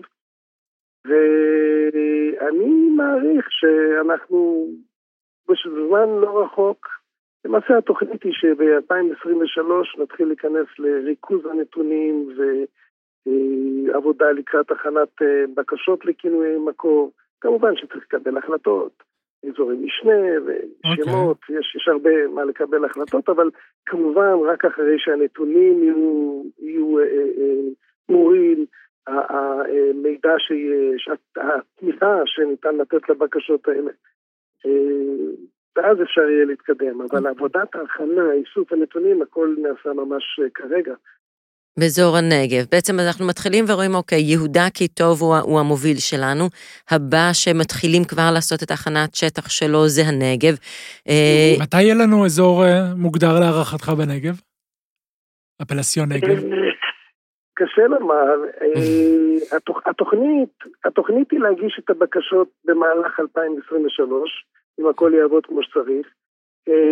ברגע שהוגשו הבקשות ביהודה, התהליך עצמו ברשות הפטנטים ארך אה, כשנתיים וחצי עד שקיבלנו אישור. אני רוצה לקוות שאם ה... זאת הייתה פעם ראשונה מזה 50 שנה שהוגשה בקשה לכינוי מקור, מקור ושטיפלו בזה ברשות הפטנטים, אז אני רוצה לקוות שהידע והניסיון ש... שנצבר אצלם וגם אצלנו אה, יסייע בכך שאולי גם, גם זה יתקדם יותר מהר ברגע שתוגש כן. הבקשה. בנוסף לנגב יש אזורים נוספים שמתחילים את ה... או ממשיכים את העבודת שטח, שרוצים כבר מין לעמוד בתור לה... להכרה הזאת? תראי, ודאי יש, יש אזורים שרוצים ושמעוניינים. אני, אני רואה את הקושי פה אה, אחר. כמו שאני רואה את זה, קשה מאוד לקדם אה, הכרה באזור יין בלי איזשהו גוף כן. מוסדי, גוף שירכז את זה, אה, גוף שיעמוד מאחורי זה, שיתקצב גם במידת הצורך. אה, הם מאוד רוצים, ויש באמת קבוצות, יש אזורים של, של יקבים שבאמת רוצים לקדם וכבר ישבו ביחד וקידמו ונפגשו ועושים את הצעדים הראשונים, אבל בלי גופים שיעמדו מאחוריהם, אם זה למשל מועצות אזוריות או רשויות מקומיות אחרות, אה, או קרן מרש בנגב לדוגמה. או אני יכול לחשוב למשל בגליל, יש את הרשות לפיתוח הנגב והגליל, יש, ישנם רשויות, רק אה, צריך לחבר אותן ולקבל מהן את התמיכה, כי אה, כן. לבעל יקב אחד או שניים או שלושה, עם כל הרצון הטוב ועם כל המאמצים, קשה מאוד לקדם את זה גם גם תקציבית וגם מבחינת למרות ש... העומס. למרות שאנחנו בעצם רואים אזור אחד שכבר נוצר, ואזור שני שנמצא בתהליכים. נכון. זה משהו נכון. שמתחיל לבנות ו- ולייצר, וזו אולי קריאה כאן לאזורי יין אחרים ב- בישראל. תתחילו לייצר את הקבוצה שלכם, את העבודה המשותפת, את, ה- אה, את התשתית ל- ל- לאזורים הבאים, ולהערכתי זה לשם אנחנו הולכים. כן. לגמרי, וזה גם קריאה, אם יורשה לי, לגופים, למועצות אזוריות למשל, שיש בזה עבורם יתרון עצום. כן. לקידום המועצה, קריאה להיכנס לזה ולתמוך בעיקבים. זה רק, זה רק קצת הרבה יותר מורכב באזורים שהם לא יהודה, נכון. כי ביהודה זה באמת היה כמעט אחד לאחד חפיפה בין... בין האזור לבין המועצה, ובנגב נכון. נגיד זה 30 ומועצות ועיריות, וקיצור זה, זה מורכב גם בגליל. ושם מתחילה הבעיה של נכון. תיאום ושל נכון. אה, לא עלינו אגו, נכון, כן, זה נכון. הדברים שמפריעים, אבל עדיין בוא נגיד גם האגו והבירוקרטיות הם אה, מרגיש לי אולי מפריעים, אבל לא עוצרים את התנועה שהכיוון שלה מאוד ברור כרגע, כי זה באמת משהו שאנחנו כולנו אה, רוצ... כולנו, לא, אה, משהו שתומך לקדם את הענף. את הענף, את נכון. המדינה. בהחלט. נכון, בהחלט. עידן, תודה. תודה רבה והרבה הצלחה והנאה. נהיה בקשר. תודה לכם. בשמחה. ובעצם אנחנו מדברים פה על, על תרבות יין ש, שמתפתחת, וכחלק מתרבות יין, דיברנו על אזור, אז כדי לייצר אזור צריך שיהיו קורמים וייננים וקווים ופסטיבל אולי, ואיזושהי עבודה אזורית, אבל גם כשאנחנו מסתכלים על מדינת ישראל ועל תרבות היין ש, שנוסדת בישראל, אנחנו צריכים לראות את, ה, את השכבות השונות, את הרבדים השונים. מי ש...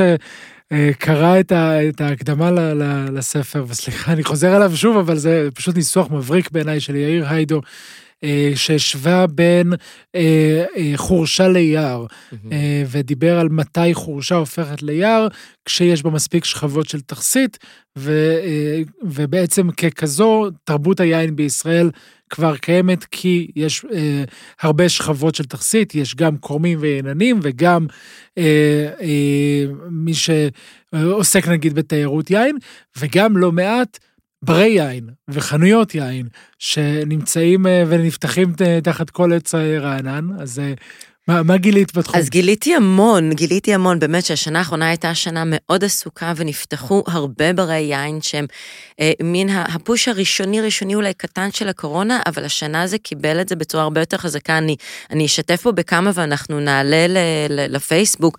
אה, אז קודם כל ריהאב של אה, איתן ויומי ביחד עם השפית המוכשרת, רימה אוליברה, אה, פתחו את ריהאב בלווינסקי, וגם אה, שפוי של יונתן בורוביץ' בשוק ה...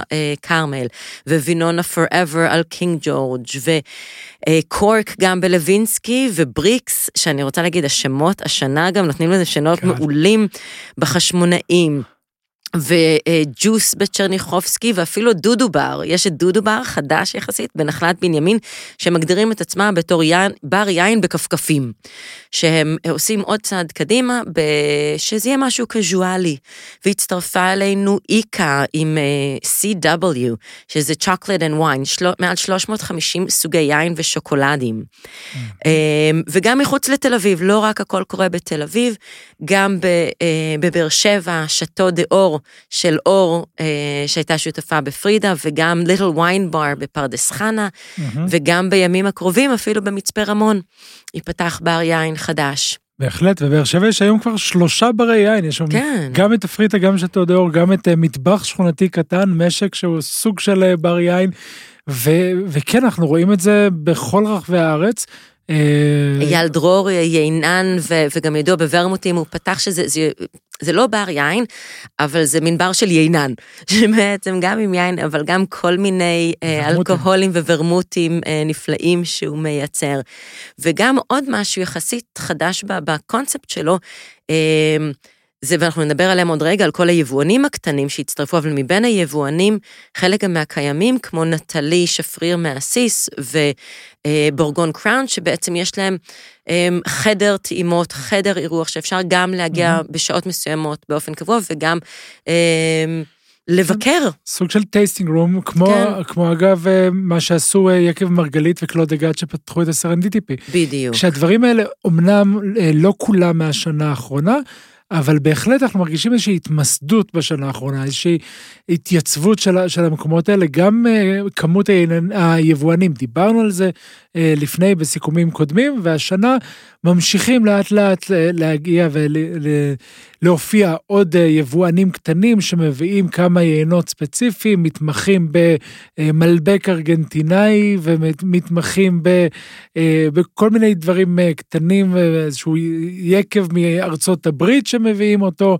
אה, ויבואן שמביא את היינות של המשפחה שלו מדרום ספרד וכמה קאבות מאותו אזור.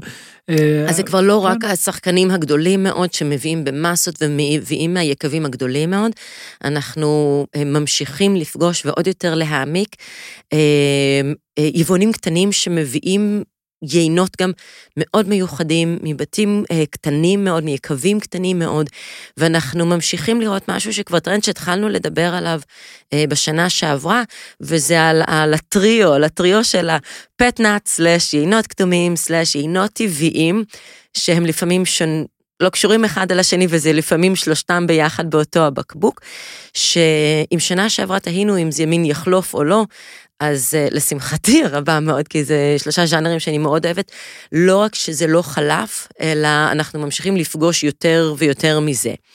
Uh, גם uh, מיצרנים קטנים וגם גדולים שנהיים יותר הרפתקנים. בהחלט, בהחלט, ושוב, זה איזשהו מקום של, של התייצבות, פטנט נמצא פה, אה, והיום אה, רקנטי מוציאים עכשיו אה, פטנט חדש, ודלתון ממשיכים לייצר, ומצד שני יקבים קטנים כמו רוסה ובטח קרן ברק, שאירחנו שנה שעברה כשזה היה עוד יותר חדשני, והיום זה כבר משהו שאנשים פשוט שותים. אני חושב שזה מתחבר לאותה...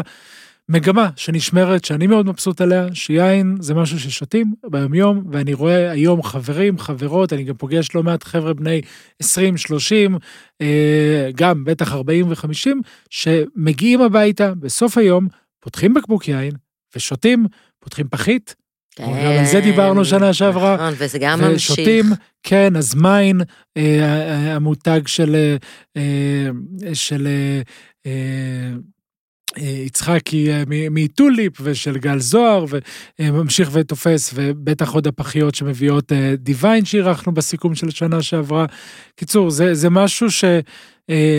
נגיד וכשסיכמנו את הפרק בינינו, רוני ואני, ראינו שלא היו דברים גדולים, אלא פשוט איזושהי התייצבות והתבגרות והתמסדות של ענף היין. בהחלט. זה פה בארץ, בואי ננסה להבין קצת מה קרה השנה בעולם. ובשביל כך, נזמין את יאיר היידו. אהלן, מה שלומכם? מעולה, מעולה. עכשיו, את כל אחד שעולה אנחנו מציגים ומספרים, אבל יש איזושהי תחושה באוויר ש... שכבר כולם מכירים אותך. יאיר היידו זה מותג, כן. אז אה, מי שאולי בטעות פספס, צ'ירס, אה, ומאנשי היין הישראלים המשפיעים ביותר, גם בארץ, גם בעולם, וקצרה היריעה מלספר. ונס... מספיק, בדיוק, אפשר להפסיק. ונשמח באמת לשמוע ממך בפרספקטיבה באמת אה, בינלאומית, יותר מרק ארצנו הקטנטונת, מה היו הדברים המעניינים אה, שקרו השנה?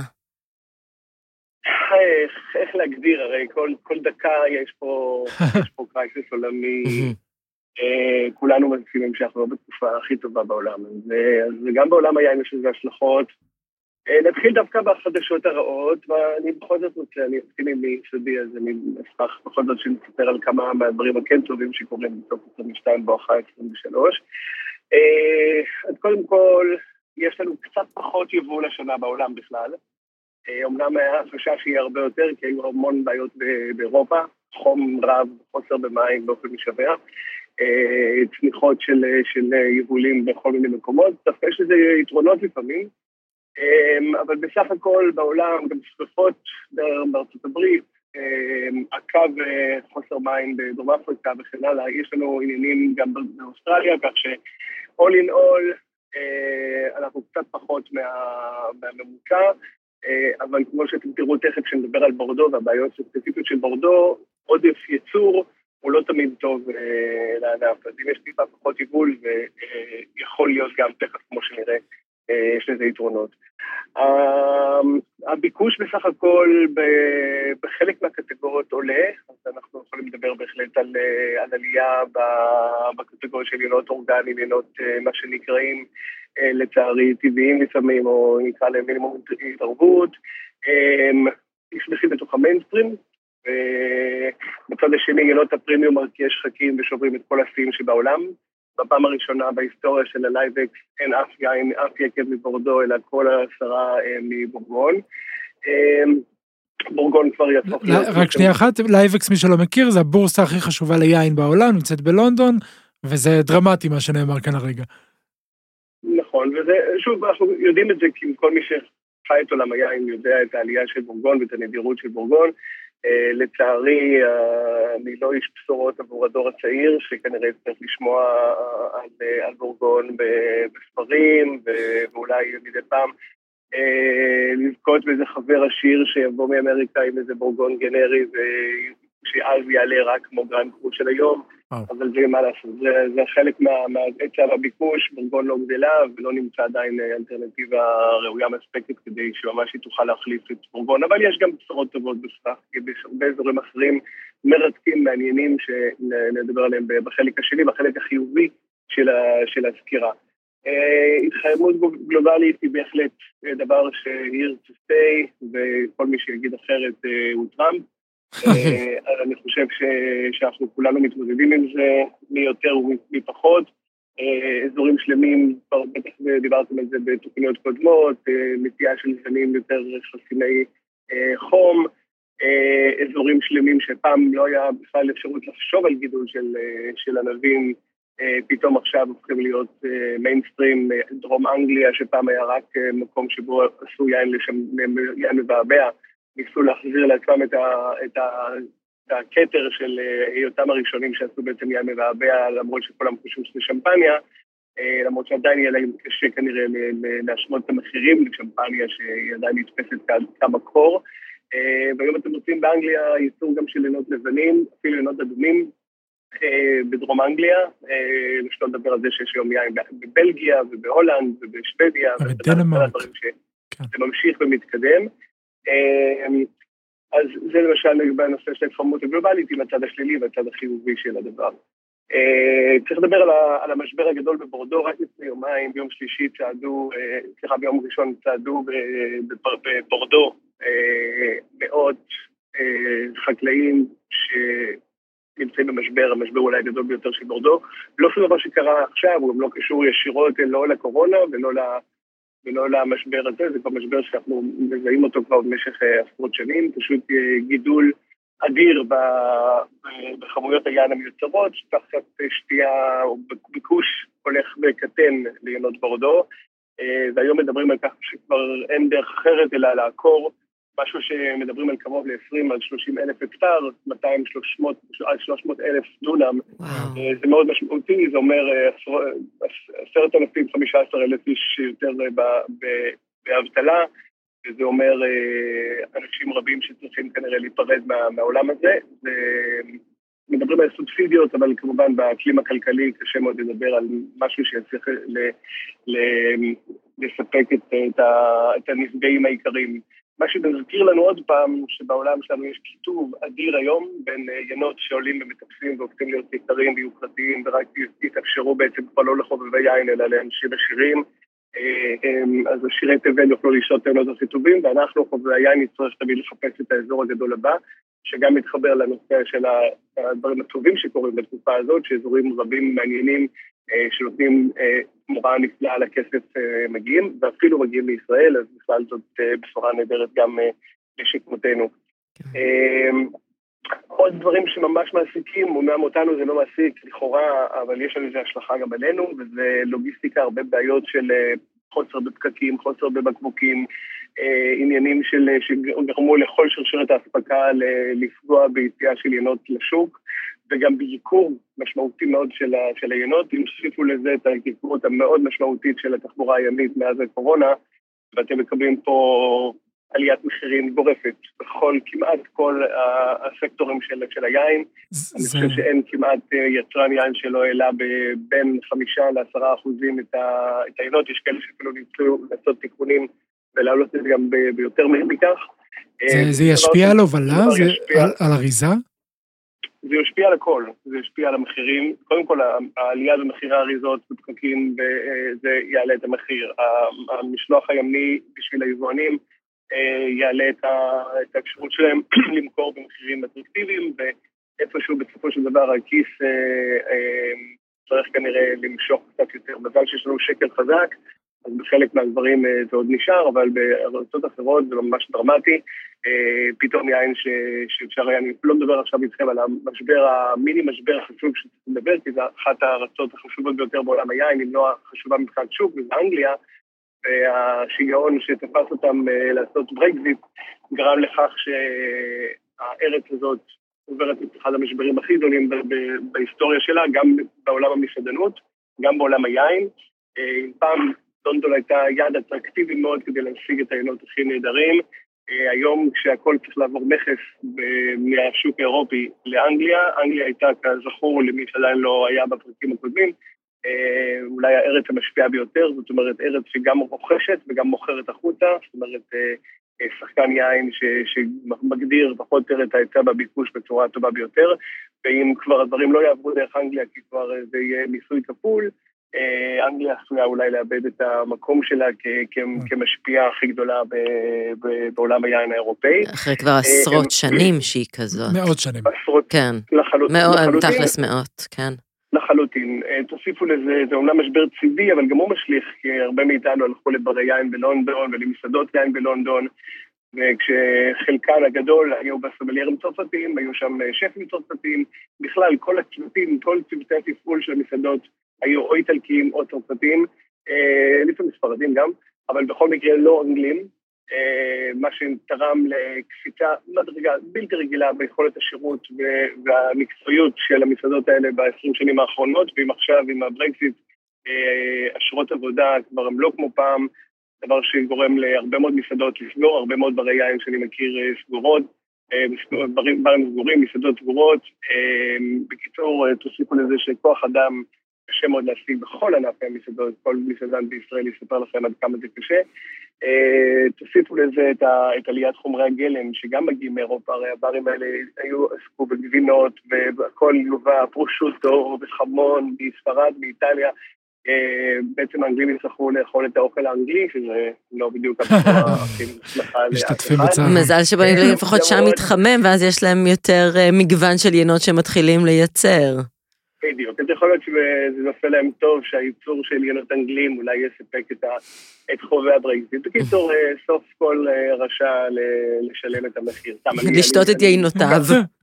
כל כך כואב, כי אני, כן. כל האנשים בלונדון, שדווקא היו אמורים להיות האלה שהכי אה, חוששים כביכול מהמהגרים וכולי, דווקא הם הצביעו נגד הברקסיט, ודווקא אלה שיושבים ביורקשייר ואוקספורדשייר, ושלא ראו כנראה מהגר מימיהם, הם אלה שנורא חששו פתאום. בקיצור, אה, כן. נקווה שהדברים יסתדרו. בכל מקרה, אה, במקרו-כלכלה, כמובן, אנחנו חייבים לציין את אווירת המיתון שבאוויר.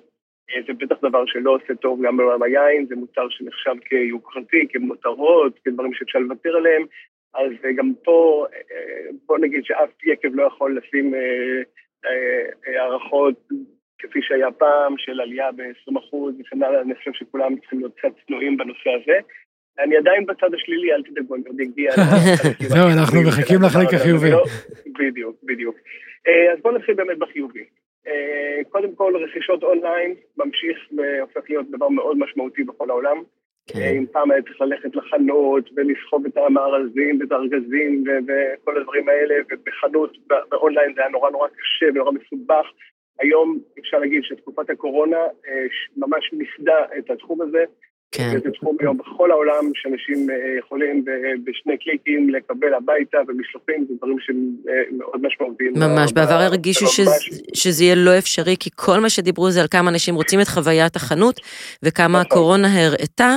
שאפשר לעבור גם בזה את השינוי, וכן להזמין יין באונליין, ולא רק להיצמד למסורת של להיכנס לחנות. במיוחד לשני, לשני אופנים, או אנשים שיודעים מה הם רוצים לרכוש, או אה, אה, חנויות ש, שסומכים עליהם, נכון.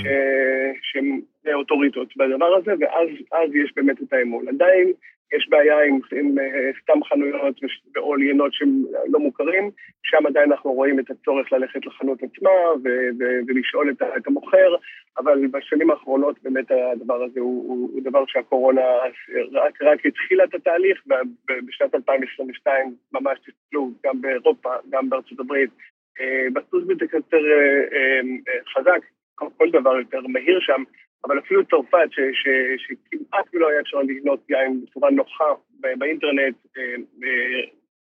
באיטליה, ביוון אפילו, זה פשוט יפה לראות, כמובן שגם גם בארץ. אה, תופעה נוספת מאוד מעניינת, זה כמו שאמרתי קודם, זה אזורים חזקים, חזקים, אה, חדשים ונחשקים, אה, אזורים נישתיים, אזורים אה, שפחות היו מוכרים, שעוד לפני כמה שנים היו אומרים, מה, עושים שם יין? אז הנה לכם, היום זנים נכחדים עושים את, המקום החזק שלהם, אזורים כמו יוון, כמו פורטוגל, כמו טנריף, כל מיני דברים כאלה, הם לא פחות מעניינים היום מהמדינות המסודרות ומהאזורים המפורסמים יותר. אה, ואגב, זה מתחבר גם לדור הצעיר, המילניאלס והזי, שמאוד נהנים גם מזה וגם uh, קצת בצורה של התרסה נגד כל האזורים המפורסמים והעיקריים, uh, אבל זה גם אומר לגבי יינות טבעיים, בכלל מודעות ל, ל, לסביבה, מודעות ל, uh, לקיימות. זה דבר שהוא מאוד מאפיין את הדור, את הדור הצעיר, ואנחנו רואים את זה גם בארץ. אה, נפלא. עלייה של יינות אה, כתומים, עלייה של יינות רוזה, דבר חשוב, פעם אחת, פעם רוזה היה פרווה כזה, היום כבר רוזה הוא, הוא, הוא לא, לא רק איזושהי נישה קטנה, זה כבר קטגוריה בפני עצמה, ויש בתוכה כבר מתחילים להת, להתגלות גוונים, בין רוזה של בריכה ובין רוזה קצת יותר מעניין, ועד לרוזה ממש גסטרונומי, יינות רוזה שמיושנים ומגדירים בחביות אצלון. אה, בקיצור, הקטגוריה הזאת אה, עולה. ואולי עוד בשורה נפלאה לישראל, יינות אדומים כלילים. כן. עוד מילה ש, שפעם בכלל חשבנו שיש רק קברנט, רק נרלו ורק 18 חודשים בחביות אצלון. הנה הפלא ופלא, ישראל, כולל פה מקומי, אם אתם לוקחים יין של דניאל פרידנברג, אתם רואים יינות של, שכדוגמה אחת להרבה, או תל, או, או מדבר בתחילת הדרך, דן, דניאל, מי שלא מכיר, דניאל זה, זה טפרברג עם המותג הפרטי שלו, אם אני כן. לא מבלבל, כן? כן, כן. כן, כן. בדיוק, וגם בארץ מביאים לא רק בורגון, אלא ממש אה, גרנשים נפלאים לגרדוס ב- ב- ב- בספרד, ואפילו לא רק בוז'ולה, למרות שגם בבוז'ולה כבר אה, התחלנו לראות יותר ויותר קרו, ופחות ופחות בוז'ולה נובו, שזה גם דבר מאוד משמח לכל חובב יין, אה, ואנחנו פוגשים אה, אה, באמת ינות פלילים, מעודנים, פליטנים, אה, וזה פשוט כיף לראות, כי זה ינות שאפשר להגיש טיפה צונן ולהגיש גם בקיץ, זה דבר שעד לפני שנה כמעט אני רואה אנשים שתו אך ורק לבן אה, במשך שמונה חודשים בישראל, וזה היה כן. קצת עצוב, לא, לא שאני, אנחנו חס וחלילה, אנחנו מאוד אוהבים ינות לבנים, אבל, אבל, אה, אבל אה, זה חבל אם לא מצליחים למצוא לאדום אה, תקופה חוץ מכמה חודשים של, של החורף פה, והנה לכם, פתאום אפשר לשבת גם על כוס יין אדום בשלהי בשלהי יוני. אה, אני חושב שאפשר עוד לדבר גם על נושא של, של הדור הצעיר בכלל, שגם מתחבר לנושא שדיברתם לפני כן, של ברי יין. אה, הייתי מדבר על כך שזה היום לא רק קנייה, הייתי אומר זאת חוויה. אנשים מחפשים היום חוויית יין, מחפשים גם להעמיק, מחפשים להרחיב אופקים, הם היום מחפשים לדעת מי עומד מאחורי היין, מה קורה, מה הסיפור של, ה- של היין הזה, זה כבר לא מה שפעם היה, שאנשים סתם פתחו בקבוק ולא לא קרה שום דבר. היום הדור הצעיר ממש רוצה קצת לדעת, לפעמים הוא חוקר, הוא... הרבה הוא- סקרנות. להבין בעצם מאיפה זה מגיע, כולל ירקות ופירות שאתה קונה ו- ו- וגבינה שאתה קונה, אתה רוצה לדעת מאיפה זה מגיע. לחלוטין, לחלוטין, והציבור הזה ממש מצביע בכך שהוא מחפש את המידע הזה, ומי שיודע לתת את המידע בסביבת הרכישה בהחלט אה, רואה תקופה פנטסטית אה, כיום. אה, אז אני חושב שגם זה מתחבר לכך שהרבה יצרנים קטנים, שיש להם סוף סוף סיפור, כל עוד היה רק יקבים גדולים, אז מה זה משנה מחלקת השיווק של היקב, מה היא מספרת על השבחים נכון. העצמיים שלה. אבל ברגע שמתחילים פתאום, אתם רואים אה, בחורה צעירה שפתאום אה, החליטה נגד הכל, לעזוב את הכל ולהקים אה, במו ידיה את הכרם שלה, ובחור ש, ש, שהיה אה, אה, פיזיותרפיסט ופתאום אה, נדלק בחיידק היין, והקים זה הופך להיות אנושי יותר, באמת. לגמרי, זה אנושי יותר, זה סיפורי יותר, וזה גם. מה שמסביר את החיבור של יותר ויותר אנשים ברמה הרגשית אה, ליין, ולא רק כ- כמוצר אה. צריכה בסיסי. טוב. תשמע, מרתק, מרתק, מרתק, ותודה רבה על, על אה, קיצור תולדות הזמן של השנה האחרונה, ב, אה, ו- ואני יודע שהיה לא פשוט להכניס את זה בקצרה. נתת לנו זווית מאוד מאוד רחבה למה שקורה, כמובן שקרו עוד הרבה מאוד תהליכים, אבל זה בהחלט נותן איזושהי נדבר זווית עליהם במשך רחבה. השנה. כן, כן. יופי. תודה. רבה. באמת, כל הכבוד רוני, כל הכבוד גיא, תודה. ובאמת, צ'ירס לחיים. צ'ירס ולחיים. חיים טובים, תודה רבה. צ'ירס, ביי. ועוד דבר אחד שסופר חשוב שקרה וקורה השנה, ולא תמיד אנחנו במיליה שלנו, בעולמות של, שלנו שמים לב לזה, אבל אה, אם אנחנו מסתכלים על, ה, על מה שקורה בישראל, אחד הדברים אולי המעניינים שקורים זה השינוי של תפיסת היין בעולם הדתי והחרדי. אה, בעצם בעולם הדתי והחרדי אה, יש, אה, יש שינויים של ממש במגמות, בצריכה, שגם שם בעצם זה נהיה לא רק אה, משהו ששותים אה, בשישי או למטרות אה, אה, דתיות, אלא זה נהיה גם שם מוצר צריכה בסיסי, משהו ש... ואפילו עוד רגע לפני זה, כן, הוא, הוא נכנס כבר לעולם הדתי והחרדי כסמל סטטוס, ועכשיו מרגיש לי שזה עושה בקהילה הזאת עוד צעד קדימה להיות מוצר צריכה בסיסי. כן. הרבה, הרבה, הרבה דברים וכאילו, ו- ודברים, דברי עומק קרו בשנה הקרובה, ובא לי שנייה שנאחל גם לשנה שתהיה, כן. מה בא לנו לפגוש ולראות. אה, הדבר... להתחיל? אה, הדבר, כן, יש כל כך הרבה, אבל אה, אני מקווה שדווקא המגמה שראינו בשנה האחרונה תמשיך. מגמה של כן. התבגרות, של יציבות, של שקט, אה, של אה, עיסוק בתיירות יין, באזורי יין בישראל, במציאת זהות של יין ישראלי. ואם אני צריך ככה. לבחור דבר אחד שהייתי רוצה להתמקד בו, אני אה, חושב שישראל לעולם לא תהיה אה, כמעט שום סיכוי שזה יקרה, היצרנית של היינות הכי זולים בעולם. מהמם. ישראל, ואני אהיה אופטימי, בחמישים שנה הקרובות, לכל הפחות, לא תהיה יצרנית של העיינות הכי טובים בעולם. ישראל כן יכולה להיות אה, הכי טובה בעולם בדבר אחד ספציפי, ואין שום מדינה שיכולה להיות יותר טובה מישראל בדבר הזה, ולייצר יינות ישראלים. Mm-hmm. אני חושב שמה שאנחנו אה, צריכים להתמקד בו, ואני חושב שזה משהו שגם קורה, זה בלאתר את הזהות של יין ישראלי, ולייצר זהות וערך שיגרום לזה שגם ישראלים, גם אנשים בעולם יחפשו את היין הזה. בהחלט, יפה. אני רוצה לדבר על שני, שתי מגמות שבעצם זה אותו מכיוון ש, שאני רוצה שימשיכו, וגם באמת הקשר בין אה, אוהבות ואוהבי היין והיקבים, שזה ימשיך ויהפוך להיות משהו עוד יותר אישי ועוד יותר ביחד, אה, ושהכיוון של הקיימות ימשיך, כמו אה, יקבים וכרמים אה, שאנחנו פוגשים שהולכים יותר ויותר לצמצום בזבוז, של כרמים אקולוגיים, אורגניים, ביודינמיים, של יינות אה, אה, טבעיים. שזה רק ימשיך. וגם, וזה לא פנטזיה, כי זה כבר מתחיל לקרות, אה, שבא לי, וזה משהו מאוד ספציפי, שאני כרגע זורעת שימשיך וקול קורא ליקבים ולמקומות, וזה יין בברז. יין בברז זה דבר גאוני. כלומר, כל הדבר ההזוי הזה של לשים יין בתוך בקבוק, וה, והתווית, והקפסולה, והפקק, וכל מה שזה עולה. שאת כל הדברים אנחנו מייבאים בכלל. מיותר לחל, לחלוטין, אפשר שיהיה ברז של יין בשכונת המגורים שלך, או ביקב הקרוב לביתך, תיסעו, תלכו ברגל, קחו עם אופניים, תמלאו את העשרה ליטר, חמישה ליטר שאתם צריכים, לשלושה ליטר שאתם צריכים לשבוע הקרוב, שזה יהיה יין שיושב לכם במקרר, מה שקורה באיטליה, מה שקורה בצרפת, בדיוק, בספרד. וגם זה, יש, זה הסיכוי היחידי כמעט שהיין יכול להיות במחיר יותר ידידותי, וגם מבחינת היין עצמו, ואני לא מדברת על bag in a box, אני מדברת ממש על מכלי נירוסטה, אה, קצת כמו של בירה, שזה דרך הכי אה, איכותית לשמור את היין דחיפה עם ארגון והוא לא מתחמצן, ואז יש לנו אפס אה, אריזות, כי אותו מכל, אפשר למלא אותו מחדש. Mm-hmm. ועם כל בר יין ועם כל מסעדה וכל חנות יין, יהיו כמה ברזי יין שאפשר גם לבוא ולשתות וגם למלא. צמצמנו אה, בזבוז, צמצמנו זיהום, צמצמנו שינוע. המחיר יכול להיות יותר טוב וכולם נהנים. אה, מי שרוצה, רוצים אחר כך, תפנו אליי, אה, ואני אגיד לכם איך זה יכול לקרות. מוזמנים להאזין לפרק שעשינו בנושא המחיר של, ה... של האריזות. של האריזות, כן, בהחלט. כן. בהחלט. ושתהיה לנו שנה טובה עם יין נהדר וחברה טובה. שנה נהדרת, תודה רבה רוני ססלוב. תודה גיא הרן. ביי ביי. נמשיך לשתות ביחד. ביי.